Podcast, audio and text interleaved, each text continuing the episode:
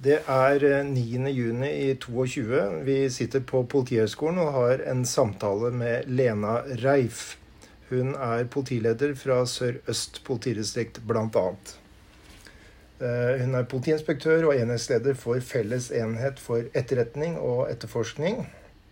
Hun har bakgrunn bl.a. fra Kripos, hvor hun var leder for seksjon for seksuallovbrudd. Hun har ledelsesutdanning fra Politihøgskolen og en master i ledelse fra Oslo OsloMet. Jeg vet også at hun har eh, vært innom eh, masterclass i Pearls of Policing, så det blir interessant. Hun er også en erfaren eh, politileder, og vi skal i dag snakke om lederskap, og først og fremst hennes erfaringer som leder. Men først, hvem er Lena Reif? Ja, jeg har blitt 50 år. Jeg har to barn som nå har blitt eh, voksne. to jenter på 24 og 21. Hun ene er uh, utdanna politi, hun også. Gått i sin mors fotspor. Ja. Uh, jeg har vært gjennom en skilsmisse for en del år tilbake og er nå faktisk nygift i september i fjor. Takk. Um, ja, på sånne interesser, så jeg bruker mye tid på, på jobb. Um, det er viktig for meg. Har mm. alltid vært det. Mm. Um, og, men ellers så har jeg alltid trent mye. Har litt skader nå, så det blir litt mindre av det. Hva slags type trening driver du? Nei, Jeg har jo løpt veldig mye opp igjennom. Ja. Uh, nå blir det mest uh, ja, skiturer på vinteren og gåturer uh, mm. på sommeren. Er det slitasje i knær ja, og hofter? I hofter, ja.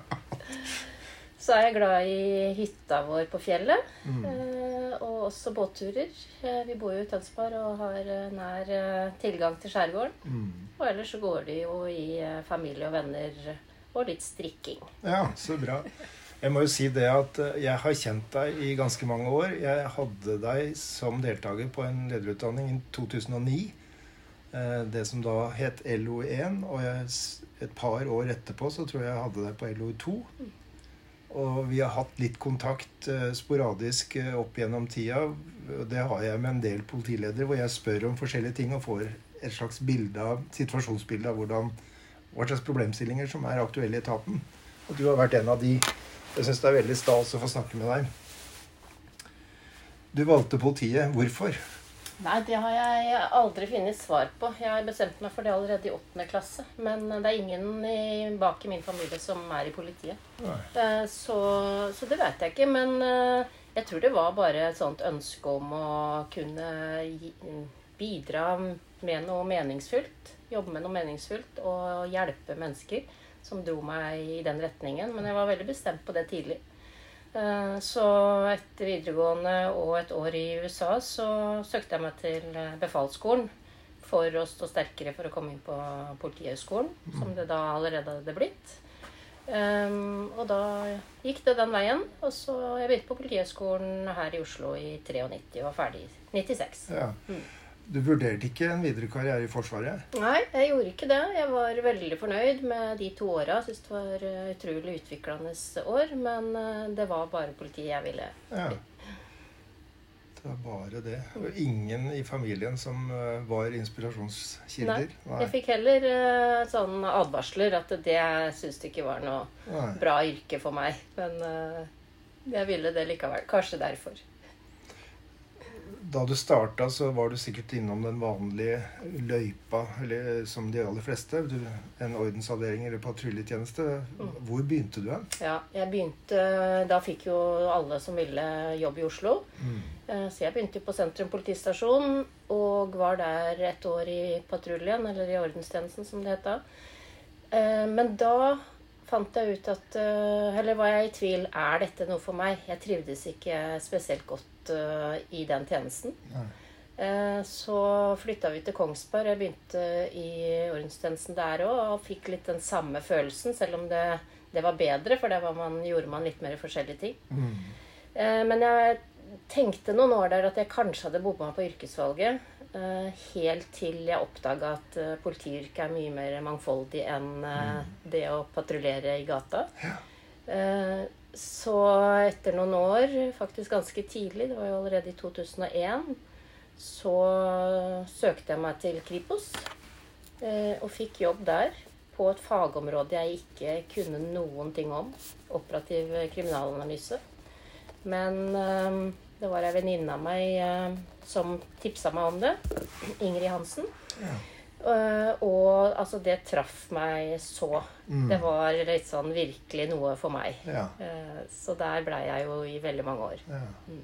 Hva var det som førte deg inn i ledelse, da? Inn i lederroller og inn i den verden der? Ja, jeg, når jeg jobba som operativ kriminalanalytiker, så gikk jeg jo litt sånn stega til uh, først å bli instruktør etter noen år.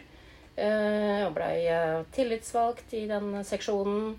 Og så, mm, 2008, tror jeg, så uh, blei det danna et mentorprogram for eh, kvinnelige ledere i Mm. Kripos. Eh, og der eh, fikk jeg en plass. Og det var det som eh, gjorde veien min inn enklere. Jeg var, Mm. veldig, jeg var ikke noe sikker på at ledelse var noe for meg. Men gjennom det året der så fikk jeg en trygghet på at eh, det kunne være noe for meg. Og jeg blei liksom dytta litt inn i ulike utfordringer eh, der. Mm. Så, og det var det Atle Roll Mathisen som egentlig har en stor ære for. For han eh, både motiverte og eh, ga meg utfordringer som Ja, som jeg gjorde at jeg ble trygg nok til å, å gå inn i en selvstendig lederrolle etter hvert. Så bra. Jeg, jeg har et oppheng på politifolk og bøker. Og det kommer av at jeg en gang på en lederutdanning her hadde en tidligere journalist i, i, fra Dagsrevyen, NRK Dagsrevyen, eh, for å snakke om media og politi og ja. Og han hevda jo bramfullt i klasserommet at eh, politifolk leser jo som kjent ikke bøker. Altså en eller annen sånn myte. Og jeg har, klarer ikke annet enn å utfordre de jeg snakker med om det der. Er, det, er, er bøker og lesing noe du eh, bruker tid på? Altså, jeg leser jo mye, eh, fordi eh, jeg leser veldig mye rapporter eh, sånn knytta til jobb. Og jeg, ja, jeg bruker mye tid også på kveldene til ja, forberedelser, gjøre meg kjent med, med stoff som er relevant for jobben. Det har vært mye faglitteratur, selvfølgelig, de, de ja, egentlig hele veien. Men for jeg har jo hatt noen sånne studier litt sånn stort sett opp igjennom. Og de siste åra har det gått mye til faglitteratur i forbindelse med masteroppgaven. Mm. Jeg leser ikke tonnevis med bøker, men jeg hører en del på podkaster. Ja. Jeg liker å gå turer og høre på podkaster. Mm. Og da er det litt sånn samfunnsaktuelle temaer, reelle historier Mm. eh, og lederpodkaster. Eh, Jeg leser litt eh, bøker også, men ikke krim. Jeg er ikke noe glad i krim. Det Det var et spørsmål jeg hadde. Jeg syns jeg får nok av det, egentlig. Ja. Eh, Men jeg liker litt sånn reelle historier, også lederrelaterte bøker, selvfølgelig. Jeg syns den Jegerånden med han forsvarssjefen eh, har mange gode elementer i seg. Også når jeg skal bare slappe av med noe annet, så er det litt sånn historiske romaner. Ja. Sånn som akkurat nå holder jeg på med De syv søstre. Mm. Da er det litt sånn bare for å slappe av Hmm. med det. Så bra. Ja. Eller så strikker jeg en del når jeg, jeg skal slappe av. Ja, så bra. Ja. Ja. Altså, apropos slappe av, hvor, hvor er det du henter energien din til eh, såpass heftig jobbing som du har gjort i ganske mange år? Mm. Jeg må ha litt aleinetid, faktisk. Mm. Eh, Noen, eh, noen lader jo ved å være sosial, og jeg, jo, jeg trives jo godt eh, med familie og venner, men jeg må ha litt tid aleine. Så både det å gå skiturer Mm. gir veldig mye energi. Eh, å lade batteriene. Eh, som sagt, å være ute med båten. Men også bare det å sitte i sofaen på terrassen. Gjerne under parasollen eller markisa når det regner. Ja. Eh, høre på en podkast eller bare tenke litt. Mm. Det, det gir meg energi. ja. Hva er det som har forma deg som menneske, vil du si? Eh, ja, det er jo mange, mange ting selvfølgelig opp igjennom. Eh, men eh, jeg tror nok eh, faren min, pappaen min, har hatt en stor eh, påvirkning. Eh, han har en historie ved at han var tyskerbarn. Jeg har alltid hatt liksom respekt for hvordan han har eh, kommet seg gjennom livet eh, med de eh, utfordringene han hadde i starten på livet. Eller i hele barndommen og ungdomstida, egentlig. Mm. Jeg har kommet tilbake til Norge etter eh, krigen, som han og, og mora gjorde. Og bli utstøtt egentlig fra samfunnet. Men han har hatt en sånn arbeidsmoral gjennom hele livet som jeg tror har prega meg, og som jeg har tatt med meg, og som jeg tror jeg også påvirker mine barn til. Eh, og det å stå på og eh, eh få resultater gjennom eh, et godt og hardt arbeid, det mm. har prega meg. Og så tror jeg også idretten. Jeg drev med konkurranseturn som uh, ung. Jeg trente mye der. Jeg ble ikke den beste, men jeg fikk mye glede av det. Mm. Um, og også litt sånn den stayerevnen tror jeg jeg har fått gjennom idretten. Å bare jobbe på videre, mm. så kommer resultatene. Og ellers så er det jo noen livskriser man er gjennom i et langt liv. Jeg har mm. vært gjennom en skilsmisse. Det prega meg mye i mange år. Mm. Um, men også de livsgledene som har vært, uh, særlig det å få barn. Mm. Følge deres utvikling. Uh, det er veldig flotte jenter som jeg har nært forhold til. Det setter jeg så stor pris på. Mm. Uh, og også det å da etablere seg på nytt og gifte seg på nytt. Det er jo ting som man, man må tilpasse seg inn i, da, og mm. som preger meg som person. Mm. Interessant å høre. Mm. Jeg har jo også Jeg kjenner litt fra siden eh, det med eh, din fars bakgrunn. Ikke mm. din fars bakgrunn, men tilsvarende. Jeg har en fetter som har, hadde tysk far. Mm. Og så også hvordan det prega han og hans ungdom. Men det var jo en helt annen for så vidt tid enn vi er i nå. Så samfunnet var også annerledes.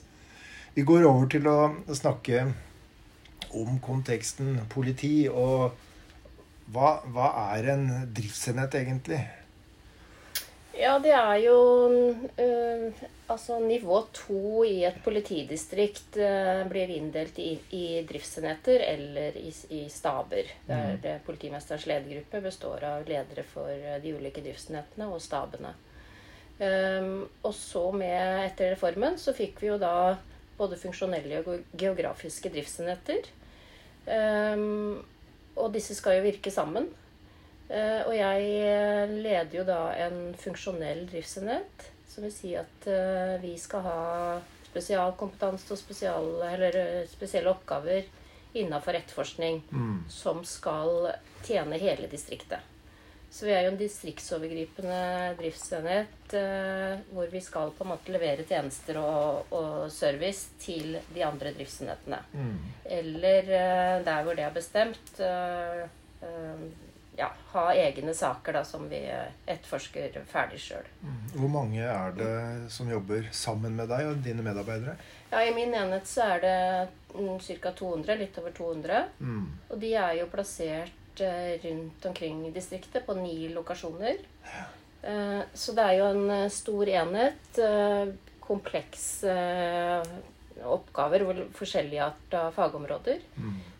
Og spredt, som sagt. Som gjør at det var en ganske annerledes lederutfordring å få enn det jeg var vant til fra både Kripos og Politidirektoratet, hvor jeg også har vært. Mm, så du driver både nær- og fjernledelse? og ja Eh, på å si personalledelse og faglig, faglig ledelse. Mm. Mm. Jeg har en uh, ledergruppe Jeg har åtte seksjoner i min uh, driftsenhet. Uh, og da seksjonsledere på, på, hver av de, da, som er i min ledergruppe, pluss noen støttefunksjoner til.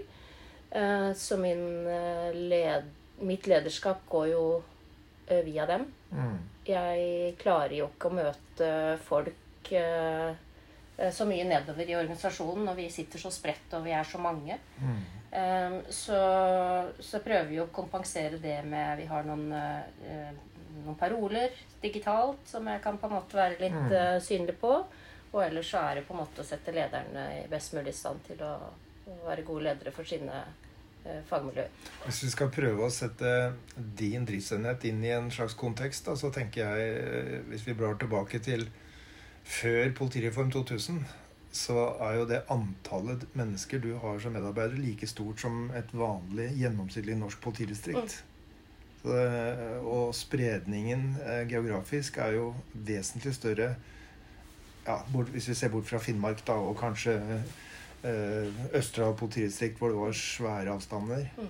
Så det er Det gir et, et, tankekors for meg i hvert fall å tenke sånn så mange ansatte. Sikkert et stort antall saker også som er mye større enn det et politidistrikt på 80-tallet hadde. Vi har jo I min enhet så har vi jo da ansvar for de alvorligste sakene med seksuelle overgrep og vold mot barn. Mm. Eh, og eh, de vanskeligste eller største økonomisakene. Økonomi og miljø. Mm. Og også innafor eh, organisert kriminalitet. Og det forteller meg at mm. her er det høy kompetanse på forskjellige områder hos ja. dine medarbeidere. Og det er jo greia med funksjonell enhet, at vi skal ha den kompetansen som man ikke kan ha i alle de geografiske enhetene. Mm. Fordi man anerkjenner nå at Eh, man trenger spesialkompetanse i et eh, så stort eh, politidistrikt. Mm. Men den kan man ikke bygge opp lokalt overalt. Så den må samles i noen fagmiljøer da, som vi skal da levere. Så vi har jo mye andre fagmiljøer også, sånn som digitalt politiarbeid, kriminalteknisk. Vi har barnehuset i min enhet og etterretning. Og mm. også felles straffesaksinntak. Så vi, vi, har både egne saker, som er da av de eh, komplekse typene. Eh, men vi har også en del kompetanse, verktøy, utstyr som vi skal da primært bidra med inn i eh, de geografiske driftsenhetenes saker. Mm. Dine ansatte, er det stort sett politiutdannede, eller er det også andre? Det er stort sett politi, men vi har også andre yrkesgrupper. Eh, særlig på barnehuset. Der er det jo masse, masse barnefaglige og psykologer og, og sånt. Der, mm. der er det ingen politi.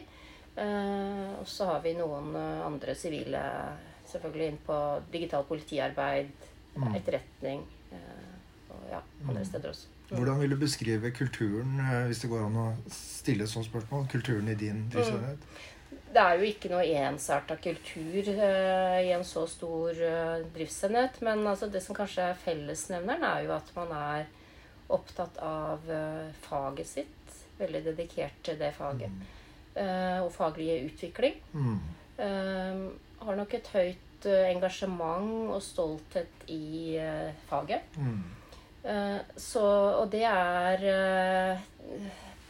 ikke på godt og vondt, for det er egentlig bare godt. Men det skaper jo litt uh, frustrasjon noen ganger når ambisjonene på det faget er høyere enn det vi klarer å, uh, å innfri. Da, med, med både utdanning, uh, utstyr osv. Så, videre. mm. så vil alltid være og det er bra. Det vil alltid være større ambisjoner på faget enn det vi klarer. Mm. De, de fagpersonene der må drive faget framover. Og da må de mm. ha alltid høyere ambisjoner enn det det er mulig å få til. Det du beskriver nå, det kjenner jeg meg igjen i mm. Eh, etter mange år i politiet. At det er, eh, det er, høy faglig hva skal vi si, stolthet og høye faglige ambisjoner.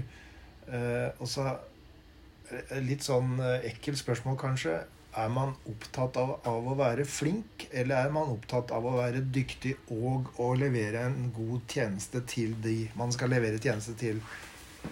Jeg er litt sånn usikker på, mm. på eh, om man er opptatt av å utvikle seg selv og, sitt, og det politifaglige, eller om det er resultater og effekter på samfunnet man er opptatt av. Mm.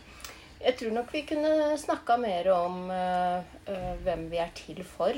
Uh, og det ser egentlig litt resultatet av den siste medarbeiderundersøkelsen òg. At det, det, må vi nok fokusere mer på. Men jeg tror nok uh, at det er Altså jobbe med alvorlige saker, så er det, altså, det er muligheter hele tida. Man leiter etter de mulighetene. Mm. Uh, og jeg opplever ikke at det er for å vise at man er flink, men at um, det er um, ja, spennende å kunne utvikle eller utfordre seg sjøl eh, faglig da, gjennom mm. å jobbe med de uh, komplekse oppgavene der. Mm. Og å si løse problemer. Ja. Og jeg, jeg, tror egentlig at vi bruker ordet samfunnsoppdraget ganske ofte. Og så er jeg igjen usikker på hva den enkelte politimann og -kvinne legger i det. Men jeg tror det ligger i bevisstheten, og at man tenker at man er til for noen allikevel. Ja. Men det er ikke sikkert at det er like klart eh, framme i pannebrasken for alle til enhver tid. Mm. Du har vært inne på hva som er viktig, og hva som blir verdsatt hos dere. Altså, det, er, det, er, jo høy kvalitet og høy kompetanse, og, og at man skal løse saker. Så er, er det andre ting som, som du vil si verdsettes hos dere? Det er nok uh, utvikling. Uh, at vi ser vi utvikler oss. Vi blir stadig bedre. Uh, og fra mitt perspektiv, det jeg prøver å gi oppmerksomhet og understreke, er når vi er gode på samhandling. Mm. Som sagt så er min driftsenhet skal ha en spesialkompetanse som ikke de geografiske har. og vi er ikke til for oss sjøl. Mm. Så, og det er jo det Vi kan komme tilbake til det, men det er det jeg har eh, skrevet en masteroppgave om. Mm. Hvordan vi får dette til å funke i lag. Mm. Eh, for vi kan ikke være oss selv eh, nok. Vi må gi den tjenesten som det er behov for eh, til de andre driftsenhetene. Mm. Så jeg blir glad og prøver å anerkjenne når jeg ser at eh, folk finner hverandre. At de kan bidra til andres resultater. Mm. Ikke bare våre egne. Mm. Da er du også inne på hva du prioriterer, hva som blir vektlagt, men også du, i hvilken retning du vil at eh, dere skal utvikle dere. Ja. Er det noe mer å si på det? Eh, ja, det er det vi jobber mye med. Den helhetsforståelsen. Mm. vi har et veldig stort politidistrikt med nesten 1700 ansatte. Mm. Ehm, og min enhet eh, vi, Som sagt, vi har spesialkompetanse. Vi har anerkjent at vi må utvikle den i egne fagmiljøer. Eh, og da er det veldig viktig å forstå eh, at vi er en brikke i en stor helhet. Mm. Og den så, så, det jobber vi mye med i ledergruppa. Jeg har jo hyppige møter med lederne. Jeg formidler en del informasjon for at de skal eh, få flere perspektiver enn bare sitt eget fag. Mm. Eh, og vi snakker mye om det med helhetsforståelse. Mm. Uh, Litt grann, eh, For å plassere deg i politidistriktet. altså Du er leder for en stor driftsenhet, en funksjonell eh, såkalt eh, driftsenhet. 200 medarbeidere. Og du har din egen ledergruppe. Men i tillegg så sitter vel du også i politimesterens, eller politidistriktets ledergruppe. Mm. Eh, si litt om de to posisjonene der. Ja, jeg er jo egentlig først og fremst eh, deltaker i politimesterens ledergruppe. Mm. Eh, og det er der vi begynner i vårt politidistrikt. Det er vår politimester Ole Sæverud. Han kom inn og førte inn det, det begrepet og den tanken hos oss. Fordi, som sagt, jeg må tenke helhet for politidistriktet. Og da er jeg en del av hans eh, ledergruppe og hans rådgivende organ til å ta de rette beslutningene. Eh, jeg skal ikke forsvare bare min egen enhet eller eh, kjempe for enhver pris for å få mest mulig til min enhet. Jeg må forstå helheten der og være en, en rådgiver der. Og derfor så, så er det eh, vårt oppdrag å først og fremst være deltaker av politimesterens ledergruppe og dernest leder vår driftsenhet. Mm. Og sånn øh, snakker jeg til mine ledere nedover òg. De er i min ledergruppe for at de skal gi meg uh, gode uh, helhet, eller råd, så jeg kan tenke helhet for min enhet. Mm. Så, så, vi er jo på en måte brikke i et hierarki ja. som hvor helheten egentlig favnes først helt på, på toppen hos politimesteren. Mm. Fordi der sitter alle driftsenhetene. Ja. Skjønner. Ja. Hva er de prioriterte fagområdene dere jobber med akkurat nå for tida i din enhet? Ja, vi jobber med Altså, det er jo kontinuerlig med videreutvikling. Men akkurat nå Vi ble etablert i 2017, og resten av eh, min enhet kom på plass i 2018. Så vi har holdt på noen år med den strukturen og den ansvarsområdet vi har nå. Nå har jeg satt i gang en prosess hvor vi skal virkelig gå litt gjennom oss og se på Har vi truffet på den, uh, den ordningen som vi har? Har Felles enhet for etterretning og etterforskning de, den riktige kompetansen, de riktige oppgavene uh, i distriktet? Uh, er det noe vi gjør i dag som vi ikke bør gjøre i framtida? Og er det noe vi ikke gjør som vi bør gjøre? Så den videreutviklingsprosessen har jeg satt i gang nå. Jeg har begynt litt bredt med å få inn innspill fra både medarbeidere og de andre driftsenhetene. Eh, og der kan det komme endringer eh, framover. Så det jobber vi med. Men jeg er litt opptatt av at vi, vi jobber med kontinuerlig utvikling hele tida. Vi står jo ikke stille. For det, det kan vi ikke. Nei. Og så jobber vi akkurat nå veldig sånn intensivt nå resten av året eh, med å få litt bedre kontroll på straffesaksrestansene våre. Ja. For de har eh, skyte i været av ulike grunner, men eh, de er bekymringsfull høye også innenfor det, de mest prioriterte områdene, og det gjelder i hele distriktet. Så det jobber vi mye med akkurat nå også. Skjønner. Mm. Hvordan ser en vanlig i gåseøynene arbeidsdag ut for deg? En, ja, en arbeidsdag eller en arbeidsuke består jo av mye møter. Altså jeg er jo med Jeg leder mye møter. Jeg er med i mye møter. Um, ved at vi er såpass spredt som vi er i min driftsnett, så er det vanskeligere å på en måte ta bare avklaringer bort borti gangen. Eller Altså, jeg må jo uh, avtale med folk uh, for å snakke med dem, og, og vi er jo opptatte. Så heldigvis eh, gjennom pandemien så har vi blitt veldig gode på det digitale. Så jeg farter mye rundt med min eh, bærbare PC-er. Tar Teams-møter med folk både her og der, egentlig. Ja. Eh, og eh, eh, ja, og leder mye gjennom møter ved Altså, jeg snakker mye med mennesker gjennom eh, møter. Mm. Eh, og ellers så går det jo på å lese dokumenter, eh, forberede meg til møter.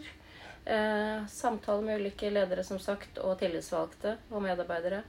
Det er jo mye mailer. Mm. Eh, fordi som leder så er du en, en koordinator på mye. Så du, du må jo besvare det for at andre skal komme videre i sine ting. Mm. Og så er det jo selvfølgelig en god del avgjørelser man tar i løpet av en uke. Eh, Eller i løpet av en periode.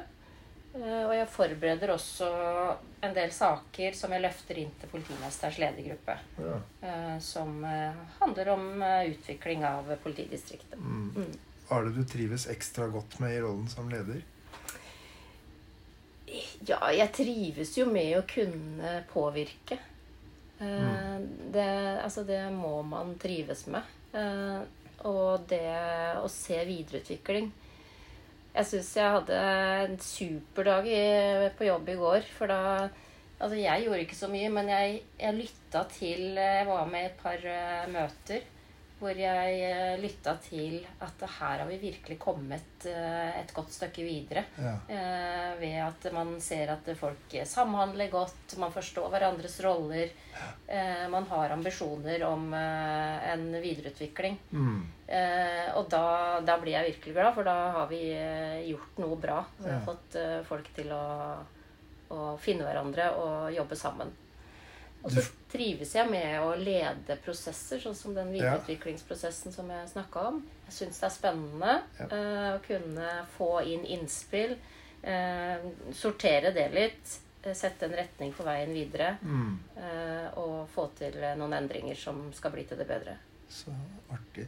Du fortalte at du um, gikk befalsskolen. På si, hva, hva slags våpen var det?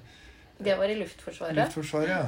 Så, så jeg var jo første året i Stavern, og så andre året i, eh, på Værnes. Ja. Så alle de stedene, begge de stedene er jo nedlagt. Men Ja, det var to sant. fine år, det. Og så nevnte du at uh, du har lest boka til Eirik Kristoffersen, altså forsvarssjefen. Et av begrepene som han bruker der, og som uh, også kom, hjem, uh, kom fram i en tidligere samtale jeg hadde med sjefen for Hæren, det er begrepet ansvarsglede. Mm. Kjenner du på det? Ja. Ja. Altså, det, jeg tror du må trives med ansvar. For det er mye ansvar. Mm. Jeg kjenner jo på den belastninga det også er, eh, veldig ofte. Mm. Eh, jeg har mange medarbeidere i min enhet. Vi har, eh, vi bruk, vi har et stort budsjett, eh, og vi disponerer eh, Og vi har altså eh, Vi har ansvar for en del skjebner som på en måte kommer til politiet for å, å få hjelp. Eh, og det er jo mennesker i alle disse sakene som vi håndterer, og de alvorlige sakene. Eh, så jeg føler jo det ansvaret for at vi må gjøre en god jobb for de menneskene som har behov for den tjenesten eh, vi kan levere. Mm. Men jeg trives jo også med da å ha det ansvaret og kunne eh, påvirke og ha noe å bidra med for at vi kan eh, gjøre en god jobb alle sammen. Mm. Da er vi over på temaet ledelse. Eh, og det er veldig mangslungent. Det er nesten som å ta eh, sats. Men vi skal ikke si alt som, som, som verken du eller jeg kan om ledelse. Men det er et begrep som har mange ulike perspektiver. Eh, Noen mener at det handler om å ta beslutninger, andre er veldig opptatt av det relasjonelle, noen vil ha oppgaveløsning. Og atter andre er opptatt av at ledere skal være rollemodeller og stå fram som såkalt hel ved. Noen forskere er kritiske til om at ledelse virker i det hele tatt. Altså, god ledelse er vanskelig, sier Julian Birkinshaw. Um, Tom Karp han, eh, og Mats Alveson er kritiske og sier at det er en romantisering av både leder- og ledelsesbegrepet. Hva, hva tenker du om, om det jeg har sagt nå? Nei, altså det er jo Har ledelse noen betydning, og, og har vi en tendens til å romantisere eh, det begrepet? Vet ikke, jeg kjenner ikke igjen det rom- romantisere det, men altså jeg er jo helt overbevist om at ledelse har betydning. Eh, Så hadde jeg jo vel funnet på noe annet. Eh, eh, Fordi altså ledelse er limet og også en buffer i en organisasjon. Og man ser det særlig når det ikke funker. Mm. Og det har jeg sett eksempler på, også i min enhet. Uh, hvis man som leder altså Man kan være en god person og ha gode intensjoner, men hvis ikke du forstår lederrollen uh, og, og de oppgavene du skal gjøre som leder F.eks. hvis du dykker for langt ned i fagoppgaver. Mm. Noen som går fra å være en fagperson til å bli leder, uh, klarer ikke det skiftet. Mm. Og så fortsetter å skal gjøre oppgaver Kanskje med en god hensikt eh, fordi man vil hjelpe de andre medarbeiderne. Så mister du helhetsblikket. Du mister oversikten. Og det er ingen andre som eh, kan gjøre de oppgavene du da ikke får gjort. Mm. Eh, så det er egentlig Det er da man ser hvor stor betydning ledelse har. For da begynner ting å fragmenteres, Ja. og folk blir usikre. Og ingen tar eh, eh, kontroll på eh, ja, den ledelsen som må til, da. Så jeg tror eh, Ja, det er jo diskusjon om hva ledelse er, men jeg tror i hvert fall det er viktig, og at eh, det er en viktig funksjon. eh, eh, Og at folk ønsker å ha en som, eh, eh, som tar kontroll, og kan lede de i riktig vei. Hva, hva liksom legger du i bånd for ditt lederskap? Ledelse er, sånn som jeg ser det, et, eh, et samspill. Um, altså, vi lykkes ikke med eh, ledelse eller som leder hvis ikke man har med, et, med medarbeiderne. Mm. hos oss så snakker vi nå om, også om medarbeiderskap. Det der samspillet der, det må funke. Mm. Eh, Man kan gjøre så mange ting og så gode ting som mulig som eh, leder, men hvis man ikke har med seg altså, dynamikken med medarbeiderne, så, så funker det dårlig, da. Mm. Eh, Men jeg vektlegger Altså når jeg får inn nye ledere, så forteller jeg at jeg ønsker at de skal ta lederrollen. De må identifisere seg med å være leder, mer enn at de skal være en formann for medarbeiderne sine. Mm. Eh, og det, i det så legger jeg det som jeg snakka om i stad, med å forstå helheten. De må på en måte sette en retning eh, for de de leder. Eh, og så må de bry seg om folka sine. Mm. Eh, de må ikke like alle like godt, men de må respektere de og prøve å, forstå hvordan de kan eh, Hvilke behov de har. Um, og så for min egen del så forsøker jeg jo liksom å sette mine ledere eh, i stand til å lede på en god måte. De har den informasjonen de kan, de, de trenger. De, de får den kompetansen eh, som er nødvendig. Eh, og at eh, eh, Ja, jeg snakker om det å være en god rollemodell. Hva, hva, hvordan vil du beskrive en god og effektiv politileder, hvis du skal Uten å knytte det til eh, en spesiell funksjon eller rolle?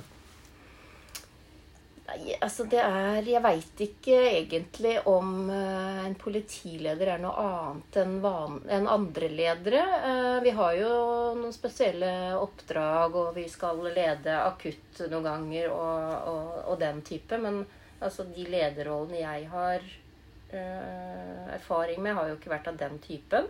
Ofte så skjer jo ting akutt, så må man ta raske avgjørelser. Eh, Men eh, generelt så tenker jeg at ledere må Altså de må se, lytte eh, til medarbeiderne og reflektere over det som fremkommer. Mm. Man må jo ta beslutninger, man må ikke vegre seg for det. Men da først da innhenta det man, man kan da, og har tid til av eh, Så tror jeg det er veldig viktig å forklare avgjørelser. Um, ikke bare si at sånn blir det, men forklare hvorfor. Jeg har vurdert flere ting. Dette blir beslutningen. Da tror jeg den blir mer akseptert, selv om den er negativ for Jeg tror det du sier nå er veldig viktig. Ja. Altså det å, du bruker ordet 'forklare'. Jeg kunne godt tenkt meg å si 'begrunne'. Mm. Uh, og, det, og så tenker jeg at her har ledelsesutdanning et, eh, eh, en misjon. Og det er at du får et begrepsapparat som gjør at du er i stand til både å tenke, men også altså, gjøre eh, vurderinger og fatte beslutninger, men også å forklare på en eh, substansiell og ordentlig måte Mm. overfor de du eh, er leder for. Mm. Så det er spennende. Mm. Og så tenker jeg også at ledere vi må, vi må tørre å ta tak i eh, når det ikke funker så bra, og Mm. utfordringer. Og der uh, tror jeg vi har et potensial alle sammen til å tørre å gjøre det. Jeg prøver å si til meg sjøl og de jeg leder, at uh, hvis du tar en vanskelig samtale, så er det for å hjelpe vedkommende. Mm. Fordi han eller hun kanskje ikke ser sjøl uh, eh, hva han har sagt som er feil, eller hvordan han påvirker andre. Mm. Så hvis du går inn i det møtet med å tenke at det her eh, skal gi en vanskelig tilbakemelding, men det er for at han, skal, han eller hun skal kunne endre seg og gjøre noe med det. Det er bedre det enn at alle går rundt og snakker og Mm. prøver å, å fjerne seg fra vedkommende. Mm. Så, så blir det enklere. Det er, eh, vi, vet at det er et eh, gap mellom det ledere eh, sier. Ikke, ikke alltid, men i en viss grad så er det det. Altså et gap, gap mellom hva man sier og hva man faktisk gjør. Har du noen tanker om det? Bare synspunkter, og kanskje hva du tenker om det i forhold til eget lederskap? Ja, det er jo sikkert noe i det. Altså, vi kan tenke at vi skal tilbake til det med å ta tak i problemer. At jeg Mm. ønsker å gjøre noe med dette. Og så tror jeg de fleste som meg eh, har merka noen ganger at man når man går inn i en sånn samtale, så har man Nå skal jeg ta tak i dette på en tydelig måte. Og så blir man litt mildere enn det man hadde tenkt. Mm. Eh, og det er ikke så rart. Altså, ledelse igjen er et samspill. Mm. Du blir påvirka av de, eh, de du skal eh, lede. Eh, det er omstendigheter eh, i organisasjonen. Du ønsker å, å ha en god relasjon til eh, de du skal lede. Så kanskje man vegrer seg litt for mye med å være veldig tydelig på det man har tenkt å si, da. Um, så, så den eh, intensjonen man har, kan kanskje bli påvirka av noe når man går ut fra det kontoret sitt, eller ut fra det man har tenkt. Når man møter de andre menneskene i gangen, eller den man har tenkt å snakke med. Så det er nok noe i det med at ikke det blir alltid sånn man har tenkt. Har du noen tanker om integritet og, ledere, og ledere? Eh, Hel ved Mm. osv.? Jeg tror nok det er et begrep jeg bru har brukt veldig mye når jeg eh, har søkt jobber og er intervjuer. At eh, jeg er veldig opptatt av å ha integritet. Så kan man diskutere hva det betyr. Men for meg da så betyr jo det at eh, at jeg skal ha en troverdighet. Jeg ønsker å å være øh, øh, ja, ærlig og Mm. åpen. Mm. Eh, ønsker ikke at det skal fremstå at det er noen eh, skjulte prosesser. Eh, det er ikke alt man kan si hele tida, men jeg skal ha en ryddighet i det jeg gjør. Mm. Eh, for det tror jeg da gir tillit. Mm. Og som leder så må du ha tillit hos dine medarbeidere. Mm. Så Og integritet da for meg så handler det om at jeg skal gjøre så god jobb som jeg kan gjøre. Jeg skal være ydmyk på de tinga jeg ikke kan så mye om, og søke kunnskap om det. Og jeg skal også kunne si fra når jeg har gjort en feil, eller eh, jeg har følt meg utilstrekkelig. Mm. Um, som eh, igjen da uh, gjør at uh, jeg får den tilliten som uh, jeg har behov for. Mm. Mm. Har du lagd deg en form for ledelsesfilosofi? Eller lederfilosofi? Det er kanskje de tinga som jeg sa litt nå, at jeg ønsker å være åpen. Mm. Uh, og da i det så legger jeg at jeg ønsker å informere så mye jeg kan. Uh, og si, gi så mye informasjon som mulig. Være åpen for synspunkter og innspill. Mm. Og være uh, ærlig. Litt av det samme, men ha ryddige prosesser. Og erkjenne feil og utilstrekkelighet. Mm. Eh, og så er nok min også filosofi at jeg skal gjøre de rundt meg gode. Altså jeg, Mm. det er lederne mine som eh, eh, gjør den viktigste jobben i min enhet, for de skal få sine folk til å levere det vi blir målt på. Mm. Så, så jeg ønsker å på en måte eh, gjøre de best mulig. Mm. Det er interessant. Det er jo en form for ja, du, du, du Medskapende lederskap. Eh, fasilitere for at de skal kunne gjøre en god jobb. Mm. Ja, nei, jeg syns det er veldig mye spennende. Og du var jo inne på dette her med å kunne se sine medarbeidere. Eh, Jeg hevder at eh, Eller har som en overskrift altså at ledere kanskje bør være glad i mennesker. Er du enig i noe sånt? Ja. Eh, absolutt. Eh, det er jo som sagt et, eh, en samspillsaktivitet, eh, det med ledelse. Så man trenger jo ikke å like alle like godt, for det er helt umulig. Det er noen man har høyere, bedre preferanse med, eller kjemi med, rett og slett. Men man må respektere alle, Mm. og man må se alle. Eh, så og da i det så må du jo egentlig være litt glad i mennesker og, Mm. og like den uh, kommunikasjonen med, med mennesker. Da. Og Tom Karp bruker jo uttrykket 'menneskebransjen' eh, som en slags overskrift. At det, det handler om å jobbe sammen med mennesker. Og da må man både like, respektere og forstå mennesker. Um, det er jo noen eh, biografier som forteller bl.a. om politikere. Da. Nå tenker jeg spesielt på en viss amerikansk president. eh, som jeg ikke klarer å huske navnet på, men kona hans var også presidentkandidat eh, og tapte for Trump. Bill Clinton heter han. Altså, han hadde en fantastisk evne til å huske detaljer ved han, Altså, han så mennesker, han huska detaljer, og så er det flere andre også som er sånn. Eh, Det å være interessert i på en måte hele mennesket, legger du vekt på det? Ja, jeg, jeg prøver det, altså. Det, fordi det gir jo litt mer eh, dybde, da. eh, Å kjenne menneskene litt bedre enn bare hva de står for. Og så skulle jeg gjerne hatt litt bedre tid til det. Jeg syns jo ofte det er når man, Nå har det jo vært spesielt med, i pandemien, når du liksom får så avstand til folk. Mm. Og du blir veldig lite kjent eh, med folk på en digital plate. flate. Mm. Eh, Så, så det er eh, egentlig viktig nå også gjenskape den eh, kjennskapen til folk, da. Mm. Jeg tror det gir eh, eh, er viktig. At vi kjenner litt mer enn bare eh, ja, overflaten på Mm. folk. Mm. Politiet er en uniformert etat som du og jeg vet mye om. Og du nevnte også at eh, den har et preg av å være hierarkisk.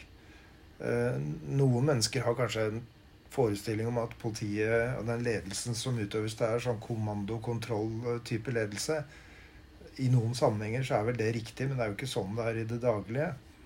Um, politifolk er faglig stolte mennesker. Det har du snakka en del om. Og de har en sterk identitet som politimennesker. Um, hva er dine hva skal vi si, Hvordan tenker du rundt å lede den type profesjonelle medarbeidere? Nei, For det første så tenker jeg jo at vi har en eh, fantastisk eh, god grunnutdanning. En profesjonsutdanning som er en slags sånn dannelsesreise.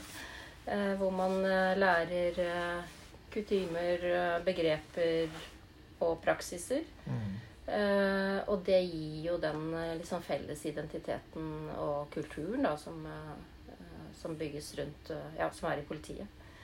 Eh, jeg syns eh, Og da også at det er, det er egentlig fantastisk at vi har så høy stolthet av å jobbe i etaten. Det er jo ikke sånn i alle land. Det har jeg merka noen ganger når jeg har vært eh, og besøkt andre i andre land. Jeg har sagt at jeg er politi og er liksom stolt av det. Så merker jeg at det er, har ikke like høy rang i alle land.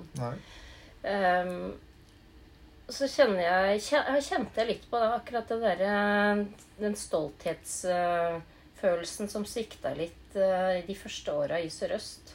Jeg har jo jobba 15 år i Kripos. Der er det veldig høy uh, stolthet. Mm. Um, og uh, så var jeg en liten tur innom Politidirektoratet, og så kom jeg til Sør-Øst politidistrikt. Og vi hadde en krevende oppstart i de første åra.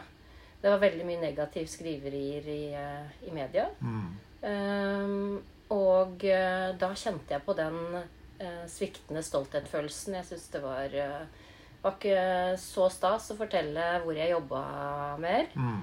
når jeg møtte andre kollegaer. Og ofte kom det kommentarer 'Å, herregud, det er, hos dere er mm. mye greier', liksom. Mm. Um, så jeg tror det der er veldig viktig at vi har den stoltheten. Nå er det en helt annen situasjon. Jeg er kjempestolt av det vi har fått til i vårt distrikt. Uh, og folka som uh, jobber så hardt uh, hver dag. Og det tror jeg er altså viktig at vi som ledere da, uttrykker. Mm. At vi har ja, stolthet for, for det, det, som gjøres der. Så Nei, jeg vi, jo, vi, er en profesjonsetat, men samtidig så så nå trenger vi jo mye annen kompetanse også. Mm. Så det påvirker jo flere ting, det, mm. uh, i den kulturen som uh, man har i politiet. Mm. Jeg, må, jeg, får en assosiasjon når du snakker om uh, hva skal vi si, en lite tap eller en liten dupp i graden av stolthet. Jeg var frivillig i Atlanta i 1996. Der var det ca. 3000 politifolk som var frivillige fra hele verden. Og jeg husker en av dagene før åpningen så gikk jeg på stadion og skulle gå gjennom stadion sammen med mange andre for å sikre at den var trygg. Og jeg jobba da i, eh, i par med en amerikansk politidame som var fra New York. Og da fortalte hun om den statusen hun opplevde at politiet i New York hadde. Og da, sa, eh, og da, viste hun til utdanning, som var ganske kort. Og så sa hun også noe om eh, arbeidsmåten og holdninger og verdier som politiet hadde. Så hun sa at nei, vi har lav anseelse. Vi er omtrent på samme nivå som taxisjåfører, sa hun. Eh, Altså negativt der. Jeg ble Ja, det, det slo meg litt. Og det er helt annerledes, syns jeg, her i landet. Eh, men forskningen sier noe sånt noe som at det er ganske krevende å lede politiet fordi man er eh, som en del andre profesjoner, f.eks. sykepleiere. Man er nærmest pasienten, og politiet er nærmest gata og nærmest saken sin. Og har høy kompetanse og ganske høy selvsikkerhet, store ambisjoner. De vet best hvordan ting skal løses. og eh, noen forskere skriver at, uh, altså at de har funnet uh, rett og slett forakt mot ledere. Mm. Eh, noen synspunkter rundt det? Ja, jeg tror du har litt rett i det. Fordi eh, vi må altså, Jeg tror nok et eh, trekk i politiet er at man er ganske autonom. Og mm. det må man være. For at de, man kommer opp i så mange situasjoner som det ikke går an å forberede seg helt på. Vil, mm. Man trener jo mye for ulike scenarioer, men det, alt er jo forskjellig i forhold til konteksten. Så man må jo improvisere veldig mye og ta ganske mange beslutninger uh, sjøl når man uh, jobber der, ute i gata, da, for det Mm. første, men også innafor andre områder. Eh, så man blir jo lært opp og må da være selvstendig. Og da kan det være vanskelig å, å bli styrt eh, som man kan oppleve det som, eller eh, leda. og ta den. Så det, så det kjenner jeg på fordi vi, det er ganske store endringer som har vært i politiet de siste åra nå. Mye mer likhet på ting vi skal gjøre. nye rutiner som kommer inn. Det å få implementert alt dette nye, Mm. det er eh, veldig krevende. Det tar veldig lang tid. Mm. Man opplever at folk ikke vil eh, ta det inn over seg. Man vil jobbe sånn som man gjorde før. Mm. Eh, så, så det er nok baksiden av det å ha et autonomt og mm, handlingsdyktig korps. Da. Mm. At det, det er vanskelig på en måte å få, å få endra praksis, rett og slett. Jeg har kikka på masteroppgaven din. Vi skal komme inn på den etter hvert. Men en av de teoretikerne du har sett på der, det er jo Henry Minsberg, som har lagd en slags klassifikasjon av forskjellige organisasjonstyper. Men han er jo også en kjent eh, ledelsesforsker. Og for noen år siden, faktisk på slutten av, av eh, 90-tallet, så gjorde han en, en studie på nytt av samme art som han eh, gjorde tidlig på 70-tallet, som da var hans doktorgradsarbeid. Den gangen så fulgte han fem ledere i eh, en uke. Eh, og det var altså utgangspunktet for hans suksess som, eh, som forfatter og som eh, fagmenneske. Og så ville han da 20 år senere, eller 25 år seinere se om det holdt seg, om det, var, det sto seg, det han hadde gjort. Eh, og han fulgte da 29 ledere i ulike bransjer. Privat, offentlig og tredje eh, frivillig sektor. Hvorav tre politiledere i, i, i det canadiske politiet. En eh, som jeg kan oversette til politimester, og en som var en eller annen form for leder under der. Og en, en vaktsjef. Nå bruker jeg det gamle begrepet. Eh, og det han fant, det var at de drev hva han skriver normbasert ledelse. Og han pekte på den autonome rollen som rett og slett var der, og som var nødvendig. Eh, normbasert, altså vi oversetter det til verdibasert ledelse. Det var det han så at de politilederne gjorde. Implisitt så sier du også noe om det, om ditt lederskap, er ikke det riktig? Jo, jeg tenker det. At jeg, eh, jeg leder mye eh, basert på tillit, for å si det sånn. da. Altså, mm. det er såpass komplekst at jeg må stole på de lederne jeg har under meg. At de gjør gode vurderinger, og at de eh, søker råd når de har behov for det. Mm. Uh, og da er jo egentlig min uh, eneste mulighet for å lykkes med det, at, de er, at jeg har rekruttert de som er riktige. Mm. Altså, rekruttering er kjempeviktig. Mm. Riktig, riktig folk på riktig plass. Og at jeg gir de den tryggheten til å lede, og at de har Altså de er kloke i sine vurderinger. eh, og som sagt da søker råd når de, eh, når de står i vanskeligheter. Mm. Så, og så er det jo Jeg må også lede forskjellig. Eh, altså noen er veldig selvstendig og har liksom Mens andre, i perioder i hvert fall, jeg må være litt sånn tettere på. Mm. Sjekke litt nærmere. For vi er litt forskjellige i forhold til hvordan vi, vi søker råd når vi står i vanskelige ting. Så da er det kanskje litt tettere på noen, og, og litt, eh, litt mindre på andre i perioder. Mm. Politiledere, nå er vi inne på noe som du Det går an å si at noe av det du har sagt, handler om handlingsrom. Mm. Både om ditt og det handlingsrommet du gir dine medarbeidere. Og jeg har gjennom de årene jeg har holdt på med lederutvikling i politiet, og også uh, noe forskning, så ser jeg at begrepet handlingsrom er ganske framtredende. Eh, noen ledere og kanskje litt overraskende mye. Det, nå tar jeg det fra hukommelsen, og det er ofte en dårlig venn. Men, men jeg har et inntrykk av at en del politiledere oppfatter at handlingsrommet sitt er ganske lite. Eh, og så er handlingsrommet en subjektiv størrelse, ikke sant? Eh, mens jeg husker jeg intervjua en politistasjonssjef i Trondheim, eh, som jeg har kjent i mange år. Og han sa at nei, jeg syns jeg har et stort handlingsrom. Han så pekte på budsjettet, han pekte på antall medarbeidere. Eh, og han pekte også på den tilliten han fikk fra sin leder. Og det fortalte meg noe om at, eh, at han hadde et ganske objektivt syn, eller forsøksvis eh, objektivt syn på det. Og han hadde kanskje også en form for trygghet i rollen som gjorde at han følte at han hadde stort handlingsrom. Mm. Hva tenker du om ledere og lederskap i politiet og handlingsrom? Nei, altså jeg tenker jo at uh, Tid syns jeg alltid er et knapphetsgode mm. uh, som leder. Uh, men det må nesten bare være sånn. For har du for mye tid, da er du enten for passiv som leder, mm. tar du ikke tak i ting, eller du er blitt uh, irrelevant uh, som leder. Det er ingen som kommer til deg likevel, så du sitter der og har gode dager. Mm. Så tenker jeg det er et dårlig tegn. Du må ha litt for liten tid til de, de tinga du skal gjøre, har jeg tenkt i hvert fall. Ja. og det er jo liksom en av de tinga som jeg gjør når jeg um, skal snakke, eller, snakke til meg sjøl om en krevende hverdag at altså, jeg eh, har den tida jeg har, og jeg har de rammene jeg har. Eh, det må jeg lede innafor. Mm. Eh, og så er det hele tida et potensial, det snakker vi en del om, å kunne delegere noe og få eh, andre til å ta mer ansvar. Eh, for det er jo ikke bare for at du skal få bedre hverdag, men det er jo også for å gi de andre litt mer utfordringer. At du kan delegere oppgaver. Mm. Eh, og eh, ja, i, og det, det, kan bli bedre resultater òg hvis andre får lov til å gjøre det.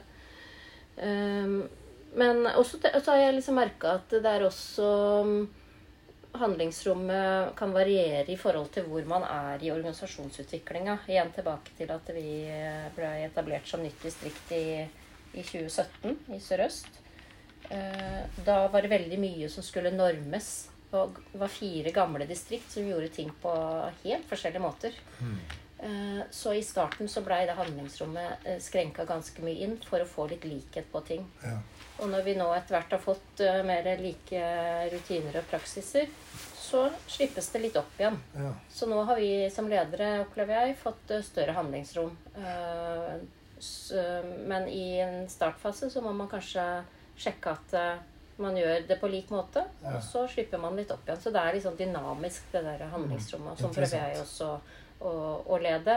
For, har jeg nye ledere inn, så må jeg være litt sånn tettere på dem. Ja. Og så etter hvert så får de mer og mer handlingsrom.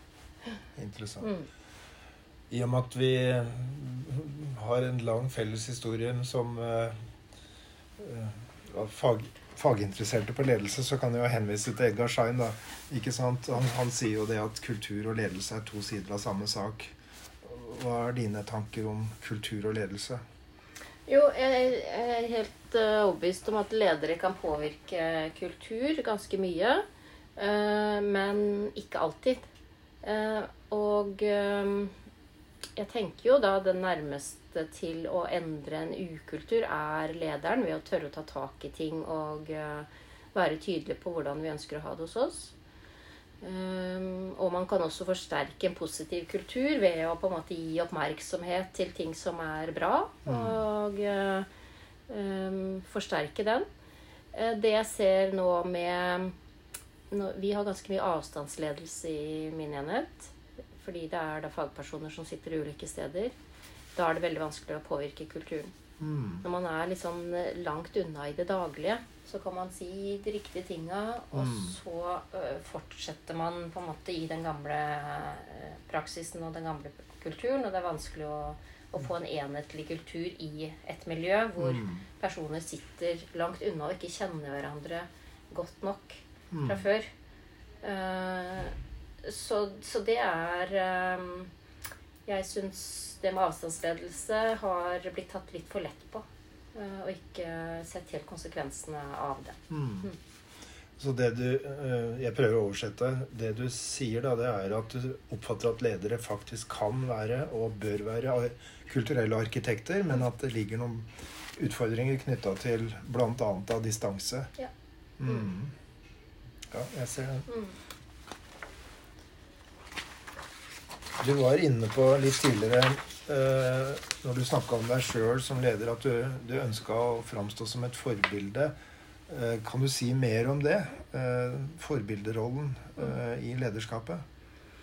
Ja, og da Når du sier forbilde altså Jeg ønsker å være en rollemodell ved at jeg Det er ikke sånn at jeg ønsker mest mulig oppmerksomhet hele tida, men eh, vi må vite at vi som ledere vil bli fulgt med hele tida. Uh, og at det vi gjør og uttrykker, det har uh, større betydning enn det vi sier. Uh, og så har vi en, en tendens som menneske å forenkle verden ved at vi putter folk i båser. Mm. Eller i Ja. Kan jeg få skyte inn der? Ja. Det er altså en amerikansk forsker som forska på politiet, og han skrev en helt fantastisk bok som heter The Asshole. Og han Eh, eh, han heter van Manen. Eh, og han tok altså politiutdanning for å kunne komme tett på politiet og jobbe som politi. Og han påpekte med den tittelen at politifolk var ekstremt dyktige og hyppige til å lage båser og putte ulike mennesker som de traff i jobben, i de ulike båsene, eller i kategorier, da. Mm, Så um, der, der treffer eh, han spikeren på hodet i forhold til dine erfaringer. Mm. Ja. Og da, hvis jeg kan uh, skyte inn noe der, så en av de tinga som var så gøy på jobb i går, det var at vi hadde to tjenestemenn uh, fra Oslo politidistrikt, eller de vel, jobber vel i Politidirektoratet nå, som har laga et opplæringsopplegg i forbindelse med rettferdig politi. Og der snakka de ganske mye om det, med fordommer. At det er naturlig å ha, men vi må være bevisst på de. Mm. Og at vi da, eh, når vi er ute og prater med eh, minoritetsungdommer eh, særlig, da, som de hadde fokus på her, så må vi være bevisst på hvilke fordommer vi har, og hvordan vi vurderer de. Mm. Det, det, var et utrolig flott opplegg som jeg er veldig glad for at vi skal innføre nå i hele den operative styrken da, i politiet. Så bra. Mm. Men tilbake til det med rollemodell og forbilde, så um, er det veldig viktig. Um, og et, både et positivt og et negativt omdømme, det henger ved veldig lenge. Mm. Um, så, så, det gjelder på en måte å være en god person og ha uh, Ja gjøre de gode tinga hele veien. Altså En liten hendelse kan også henge ved ganske lenge hvis den får uh, et negativt uh, omdømme. Og, uh, og, som sagt, som leder så er man avhengig av tillit, og da må man også ha fokus på det å være et, en god rollemodell. Mm. Et begrep som ligger ganske nær tillit, er legitimitet. Mm. Um, og igjen, da så hva er det som eh, gir en god og dyktig politileder legitimitet i, eh, blant politifolka, vil du si? Altså Det kan nok være ulike ting eh, man vektlegger. Noen miljøer så kan det være uh, handlingsdyktighet og uh, tydelighet uh, osv. Det, det ser jeg for meg mm. i noen av de operative miljøene. Mm. Uh, jeg husker ordet ja. 'sterk og klar', eller begrepet ja. det da jeg var operativ politimann. Så mm. hvis et menneske som vi kunne putte den merkelappen på, det var en god leder. Mm. Ja. Uh, men uh, altså for min del så handler det om de tinga som jeg sa i stad. At jeg ønsker å fremstå med ærlighet og også tydelighet. Men mm. at jeg er lydhør og lyttende. Mm. Mm. og at ikke man blir oppfatta som man har noen skjulte agendaer. Mm, da tenker jeg at uh, altså en samlebetegnelse er altså lederatferden din mm. og, og, de verdier du har som både menneske og leder, som kommer til uttrykk på den måten.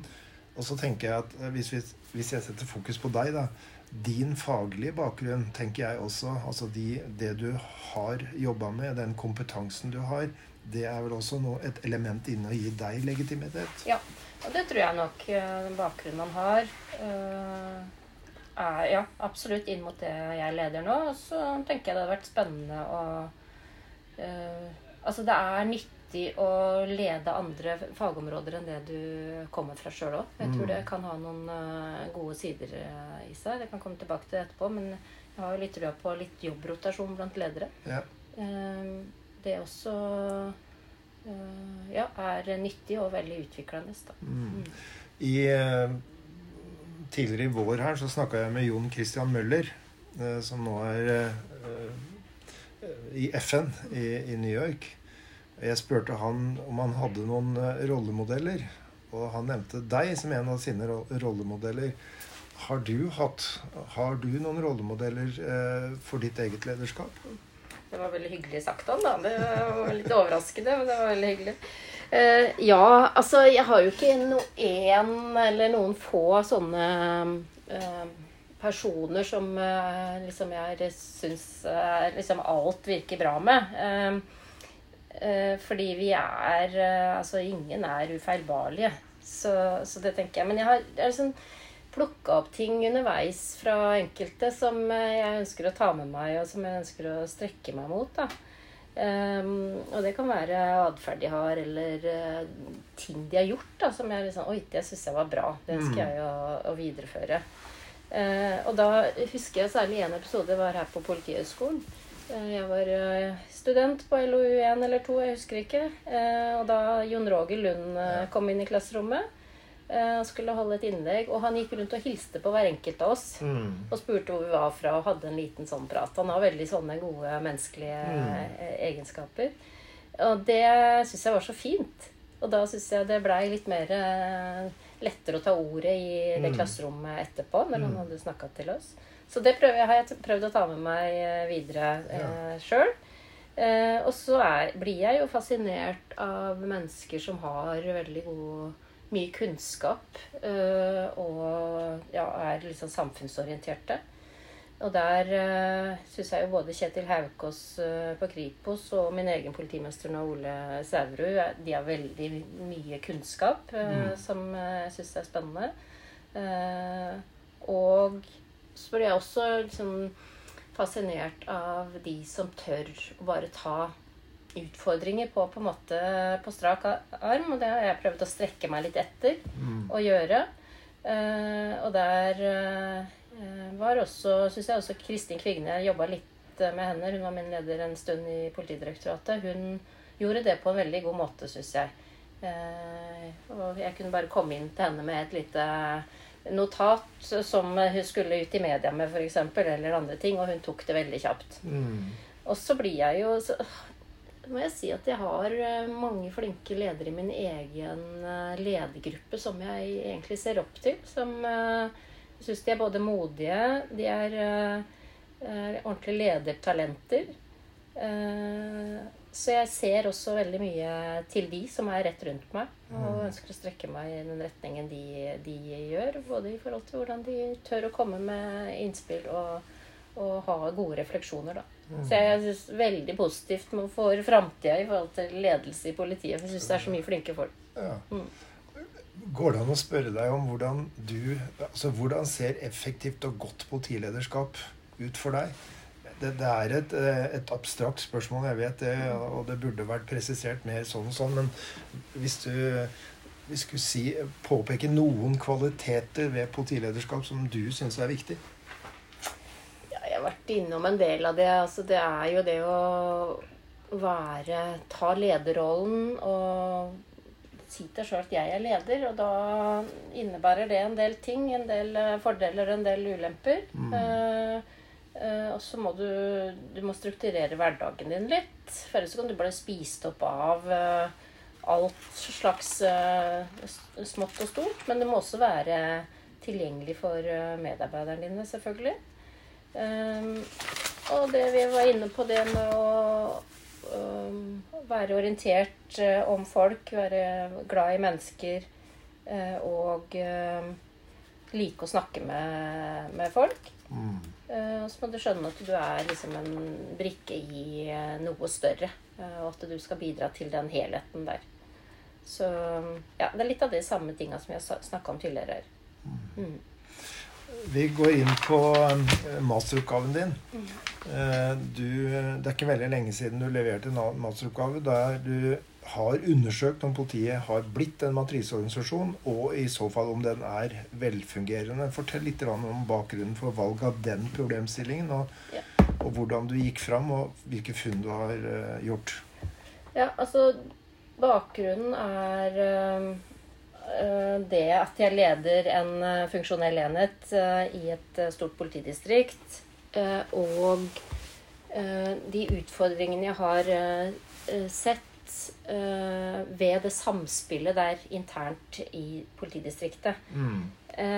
nå er vi ikke lenger en bare en vanlig linjeorganisasjon. Vi er en kompleks organisasjon. Uh, vårt distrikt med 1700 ansatte. Uh, det her må funke uh, både linjemessig nedover, som vi er, har litt sånn tradisjon for å tenke ledelse, men like viktig er den horisontale ledelsen. Mm. Eh, så jeg har jo kjent litt på kroppen eh, sjøl, da, og kjenner jo det. Eh, den utfordringen det er å lede i en, en sånn stor, kompleks organisasjon. Mm. Så det var jo bakgrunnen for at jeg valgte det temaet. Og så når jeg begynte å lese om dette her, så, så skjønte jeg jo at det er et begrepsapparat her som heter matrise. Mm. Som ikke vi brukte så mye hos oss.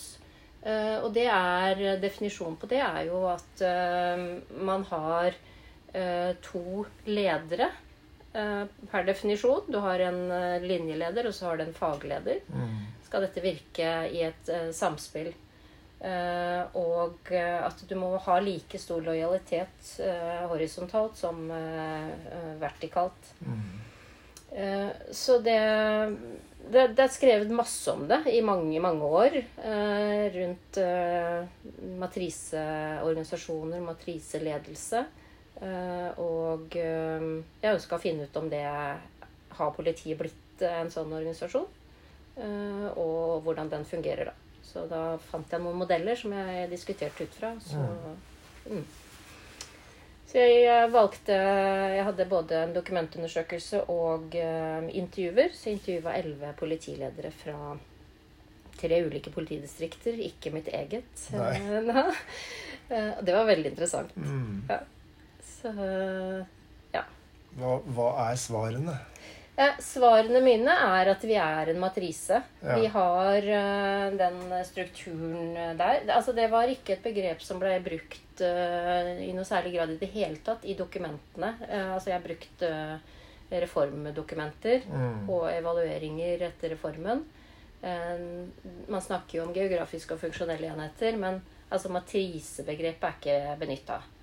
Før jeg spørre deg, Hvorfor tror du at det er fraværende?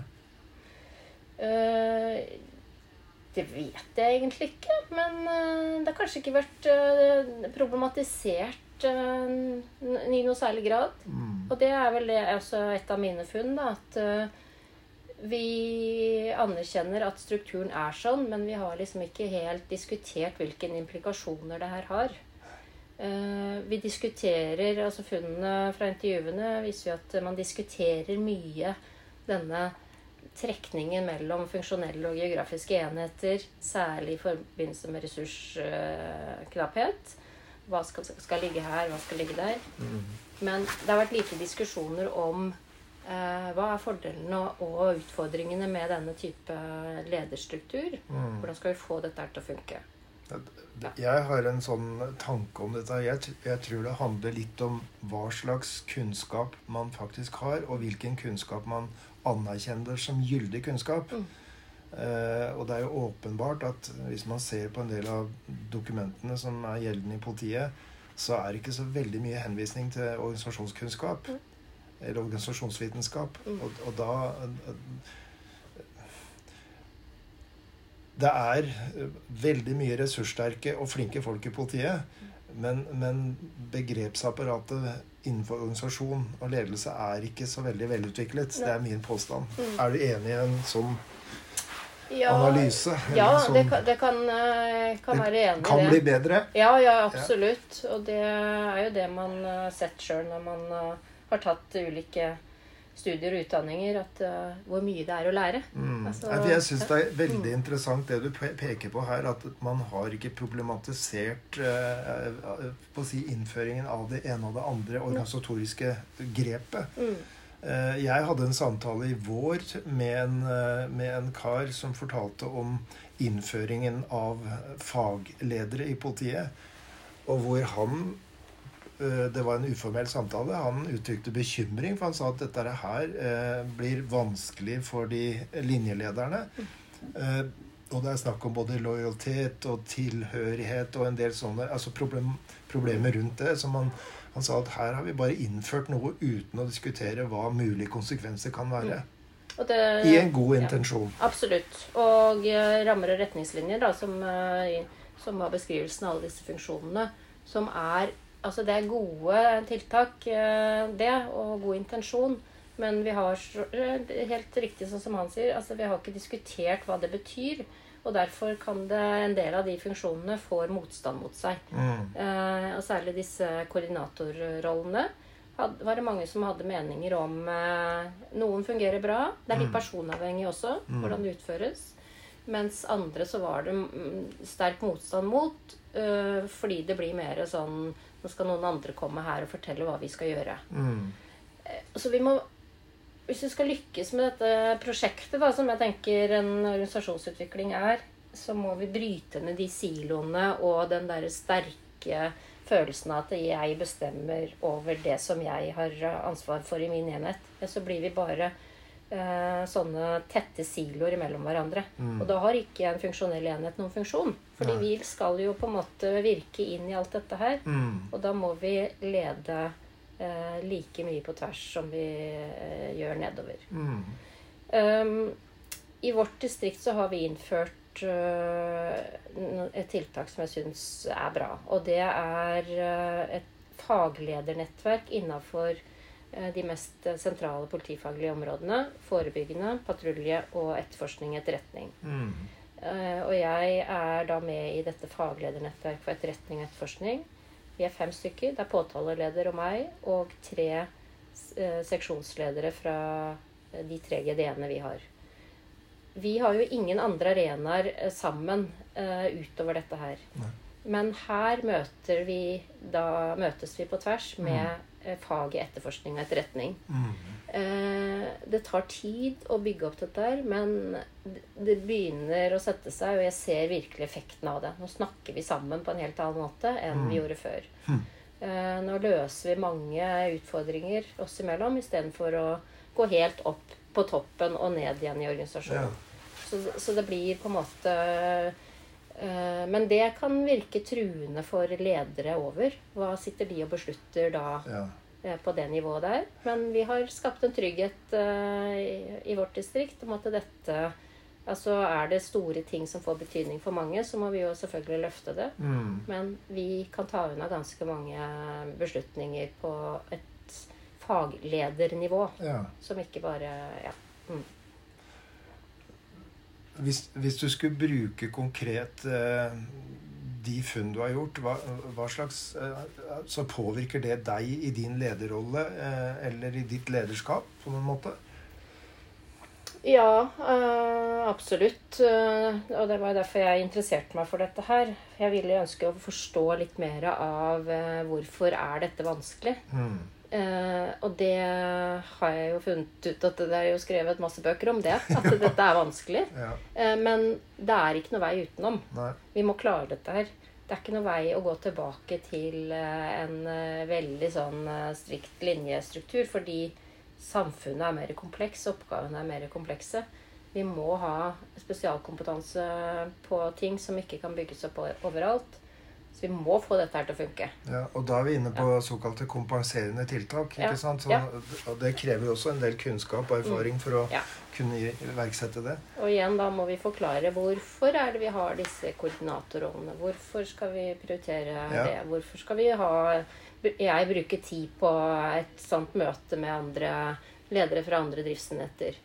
Det går jo utover ledelse av min egen enhet, mm. kanskje, kunne jeg tenkt. Mm. Uh, det, men det er helt nødvendig for å få dette til å funke i den komplekse organisasjonen som vi har. Mm. mm. Spennende. Ja. Um, spennende å se på, på oppgaven din og, og um, hva du har funnet ut. Og så tenker jeg også den lysten du har til å skaffe mer kunnskap og, og økt forståelse.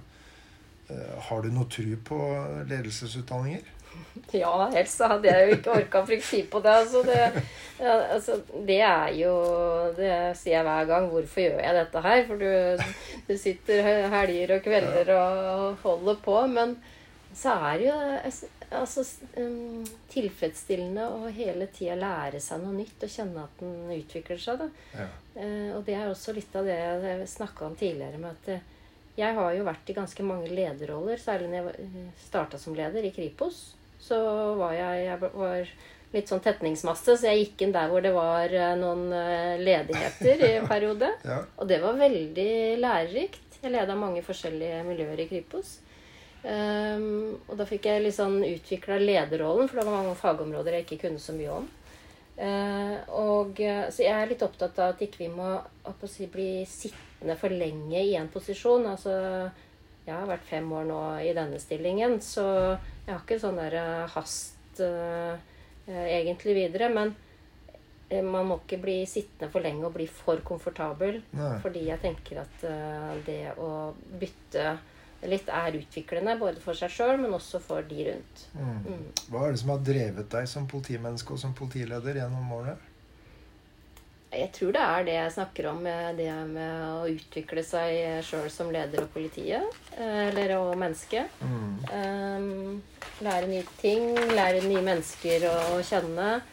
Uh, og føle at jeg gjør en nyttig jobb. Mm. Har en meningsfylt hverdag. Har du vært i beslutningssituasjoner som, eh, som, du husker, og som på en måte har påvirka deg som leder gjennom de årene du har vært i politiet?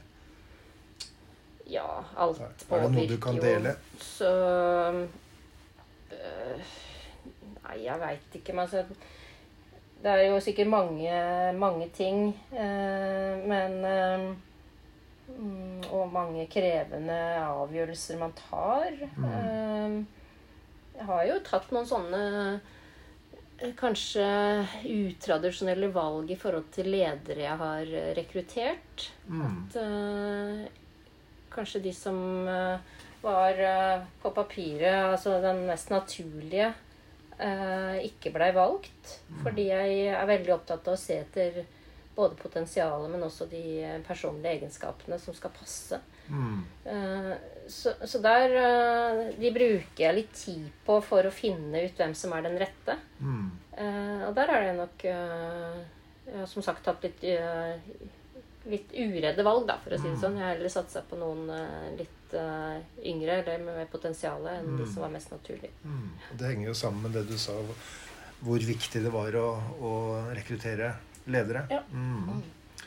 Hva ønsker du skal være ditt fotavtrykk eh, i politiet som politileder?